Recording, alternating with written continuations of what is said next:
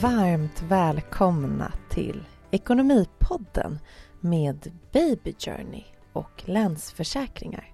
Jag som pratar heter Mikaela Forni och är en av grundarna till Baby Journey, gravid och småbarnsappen.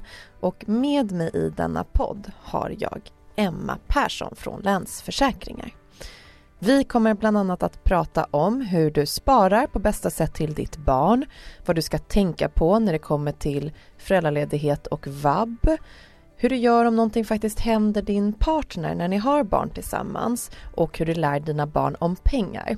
Så korta, informativa och lättsamma avsnitt om ekonomi. Vi gästas även av Niklas på Försäkringskassan som är ett riktigt proffs på sånt som vi kanske tycker är lite klurigt. Så är ni redo? Då kör vi!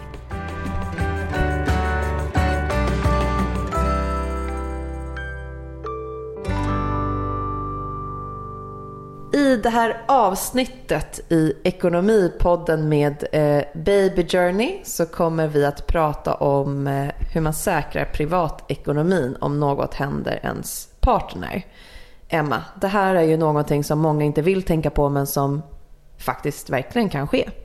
Ja men gud vad mänskligt eh, det är att eh, bara leva här och nu och bara allting är bra, ingenting kommer hända. Men eh, det är ju mycket bättre att se till att man har tänkt på det här innan det väl händer än att stå där och liksom få panik. Så att, superbra att vi tar upp det här tycker jag. Eh, hur tycker du att vi föräldrar ska tänka när det kommer till de här stora frågorna? Eh, speciellt när man blir föräldrar och är ny i det så är det så mycket annat att tänka på. Så det här kan ju verkligen lätt hamna i skymundan. Men risken är då att åren går och att man glömmer ta tag i det här. Och det är ju inte så roligt att diskutera till exempel dödsfall, sjukdom, arbetslöshet, skilsmässa. Det är ju de tråkigaste sakerna som finns. Så hur ska vi göra när det kommer till de här frågorna? Nej men Väldigt deppigt såklart. Eh, jag tänker ju att man kan ge sig själv lite tid liksom efter förlossningen, herregud, och liksom landa och sådär. Skönt. Men... Det behöver inte vara dagen efter. Nej, precis. Ja. Men så fort man känner att så här, vi kanske kan få barnvakt liksom ett par timmar och vi kan eh, ta tag i det här så tycker jag att man ska göra det. För att det är ju så att när man är förälder så kanske man har, eh, man har köpt en lite större bostad kanske tillsammans eller man har en bil eller man vet att man kommer behöva ta hand om det här barnet eh, till åtminstone 18 års ålder och det är ganska dyrt som vi pratade om i ett annat avsnitt. Så att man är ju ganska beroende av eh, varandras inkomster. Och då behöver man säkra upp saker och ting så att man vet hur man ska göra om det värsta skulle inträffa. För det är ju trots allt så att väldigt många skiljer sig. Nu går vi in i en ekonomisk situation i Sverige där kanske fler blir arbetslösa så småningom och man kan faktiskt också bli sjuk. Mm. Och då, liksom, om man går miste om den andra partnerns inkomst, hur ser det ut då? Det behöver man vara lite förberedd på. Har du något tips på vilka försäkringar man ska ha för att vara skyddad på rätt sätt? Ja, men som tur är så behöver man ju liksom inte själv spara ihop till eh, att klara de här situationerna utan mm. det finns faktiskt försäkringar som kan träda in och vara bra att ha. Och det här är ju faktiskt jättebra för att som du säger, när vi börjar det här avsnittet så känner man att nästan får en klump i magen att oj, okej, okay, dels så är det här de tråkigaste sakerna som kan inträffa. Mm. Men också rent ekonomiskt kan det kännas stressigt att men hur ska jag klara mig och ta hand om barnen om min partner går bort. Mm. Men det kommer ju inte gå. Nej. Oj, vad har, jag, vad, har vi, vad har jag satt mig in i? Men då finns det ju faktiskt försäkringar. Ja, men det gör det ju. Och kanske särskilt om man har eh, bolån så skulle jag tänka på det här extra mycket. Därför att det är ju så att om ni är två om att ta ett lån och den ena går bort, om det värsta händer, ja men då är ju den andra återbetalningsskyldig för det här lånet. Och det kan ju bli ganska tufft. Eller så är det till och med så att banken säger att så här, vet du vad, det går inte med bara din ekonomi. Och så måste man sälja en bostad liksom, mitt i allt det här. Mm. Så vad jag skulle tipsa om att ni tittar på är eh, ett så kallat bolåneskydd. Alltså en slags försäkring som träder in och betalar räntor och amorteringar och sådär om det skulle vara så att det händer någonting. Och då finns det också en, en livförsäkring i det här som man kan lägga till som, eh, så att man kan välja lite så här, vill jag ha hjälp med att betala lånet eller vill jag ha en klumpsumma som kan lösa lånet? Ja, fundera lite på vad som är bäst för er. Jättebra. Är det några andra försäkringar som kan vara bra att tänka på att ha? Bolåneskydd, där det också finns livförsäkring. Mm. Någonting mer? Ja, men sen tycker jag också att man ska se över liksom hela sin eh, eh, försäkringssituation i termer av så här, vad händer om jag gör mig så pass illa, säger vi, i en olycka att jag mm. aldrig kan arbeta igen. Så att kolla upp lite så här, vad har jag via min arbetsgivare? Behöver jag eh, lägga till någonting och i de flesta fall behöver man faktiskt en, en egen sjuk och olycksfallsförsäkring just för den här om det då blir vad försäkringsbolagen kallar medicinsk invaliditet. Liksom, att man aldrig kan jobba igen. Så att titta på det. Och Sen tycker jag också för arbetslöshet just så är det viktigt att se till att man är med i en a-kassa mm. och att man i vissa fall då har inkomstförsäkring. Så att skulle man bli arbetslös så har man åtminstone några månader, ibland upp till ett år, där man får eh, ersättning. Så det kan vara bra att titta på. Hur ska man tänka rent juridiskt kring de här frågorna som föräldrar? Är det någon skillnad på om eh, ni är gifta eller inte? Hur ska man tänka om man eh, är skilda eller om man lever i samboskap? Eller, ja, hur ska man tänka rent juridiskt? Ja, men det bästa juridiska tipset man kan ge ett par är ju faktiskt att gifta sig för att det är ett skydd i sig. Liksom, att eh, att man eh, ärver varandra.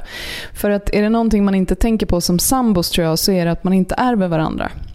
Det vill säga har man köpt en lägenhet ihop och eh, den ena sambon går bort, ja men då är det typ eh, partners föräldrar eller motsvarande som ärver halva lägenheten. Mm. Och Beroende på vilken relation man har med dem då så kan det bli så här, ja vi vill ha ut våra pengar så nu vill vi sälja lägenheten. Där vill man inte heller hamna. Utan i så fall behöver man se till att man har eh, någon typ av samboavtal eller liknande som eh, ser till att det inte blir så. Eller testamente till och med. Eh, sen tycker jag också att eh, man behöver fundera kring, är det någonting som jag inte vill ska delas med min partner om vi är gifta? Eh, och här kanske det är lite det hänger nästan ihop med att ha så pengar som man, kan, eh, som man kan ha kontroll över själv. Mm. Är det så att jag ärvt något som jag inte vill ska delas, ja men då behöver man göra det till enskild egendom. Så det är lite från situation till situation, men en tanke på juridiken behöver de flesta ha. Verkligen. Och eh, det, det bästa verkar vara då att gifta sig men man kanske inte vill göra det enbart av juridiska skäl eller eh, kanske inte där. Eller så kanske man har varit gifta men sen går och eh, separerar. Mm. Men som du säger att faktiskt tänka på att ha eh, avtal sinsemellan och överenskommelser. Mm. Så att man pratar om det värsta tänkbara och har en plan för vad som ska ske om det värsta tänkbara inträffar samt även då försäkringar. Ja men verkligen och det är ju så lätt när man är så kära och ska flytta ihop och bara nej men jag betalar lite mer och kontantinsatsen det gör ingenting och sen blir man liksom superosams längre fram eller ja, det värsta händer att den ena går bort till exempel. Ja, men då blir det problem. Så att se till att ni har papperna i ordning när ni är vänner. Det kommer underlätta så mycket. Vi pratar ju mycket om eh, barnspar i till exempel ett avsnitt som helt handlar om barnspar. Ehm, men sparande kan ju även vara någonting du behöver för dig själv i olika former. Ska man tänka på sitt sparande på något sätt när det kommer till de här frågorna? Ska man försöka ha en liten buffert med om det värsta händer så har jag de här pengarna till det? Eller, ja, hur, hur ska man tänka där? Ja, men jag tycker ju, eh, som jag alltid gör, att det är viktigt att man ser på sig själv eh, i paret liksom både som del av en familj men också som en individ. Mm. Det vill säga att jag har eh, om möjligt ett ekonomiskt handlingsutrymme där jag har råd att fatta de beslut jag vill. Jag kanske vill skilja mig eller jag vill sluta på det här jobbet för chefen är dum i huvudet eller vad det nu kan vara. Ja, men ha lite rörelsemån där i form av eh, lite fuck off-pengar helt enkelt. Och det här behöver man också tänka lite, apropå juridiken så behöver man tänka lite här. Är det så att man är gifta då kommer ju allting att delas. Ska man liksom skriva något papper så att man är säker på att få med sig sina fuck off-pengar. Eh, så att, ja. Men spara lite till dig själv också. Det är viktigt. Se till att ha en liten fuck off-buffert helt enkelt. Ja, ja, exakt. Jättebra, älskar det. Det var det bästa tipset. Det var det bästa tipset idag. Ehm, vi har ju låtit våra användare skicka in eh, massa frågor kring ekonomi för dessa ekonomiavsnitt i den här poddserien. Och eh, det här avsnittets fråga låter så här avsnittets Baby Journey-fråga. Om vi separerar och jag tar större delen av ansvaret för våra barn, har de mest etc. Har min partner ändå rätt till halva barnbidraget? Var går gränsen och hur ska jag tänka? Oj, det är en jättebra fråga. Alltså, jag, jag vill minnas att det finns någon så huvudregel att eh, det ska gå till den förälder som har barnen mest. Men jag vågar inte svara på exakt hur det fördelas.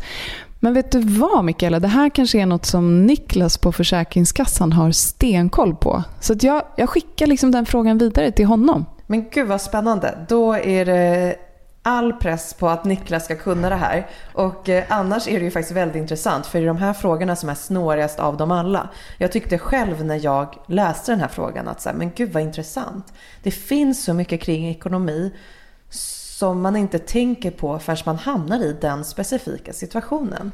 Och då blir det jättestort och viktigt. Mm. Men det finns också jättemycket frågor kring ekonomi som det inte finns självklara svar på. Nej, exakt. Och det finns många olika konstellationer av familjer och sätt att lösa det på. Och sådär. Så det, ja, det är så intressant att ta del av. Tack för frågan. Verkligen. Okej, i dagens avsnitt har vi alltså pratat om hur man säkrar privatekonomin om något händer ens partner. Och det vi har kommit fram till är att eh, se till så att man har rätt försäkringar. Så att man är försäkrad för om det värsta tänkbara ska hända. Att det kan vara bra att ha lite fuck off-pengar att det bästa är att vara gift. Men om man inte vill vara gift så ska man se till att ha ordentliga avtal, testamenten och överenskommelser nedskrivna på papper. Så hur tråkigt det än är, prata om det så att det slipper bli jättejobbigt när eh, situationen uppstår. Eller om den här jobbiga situationen uppstår.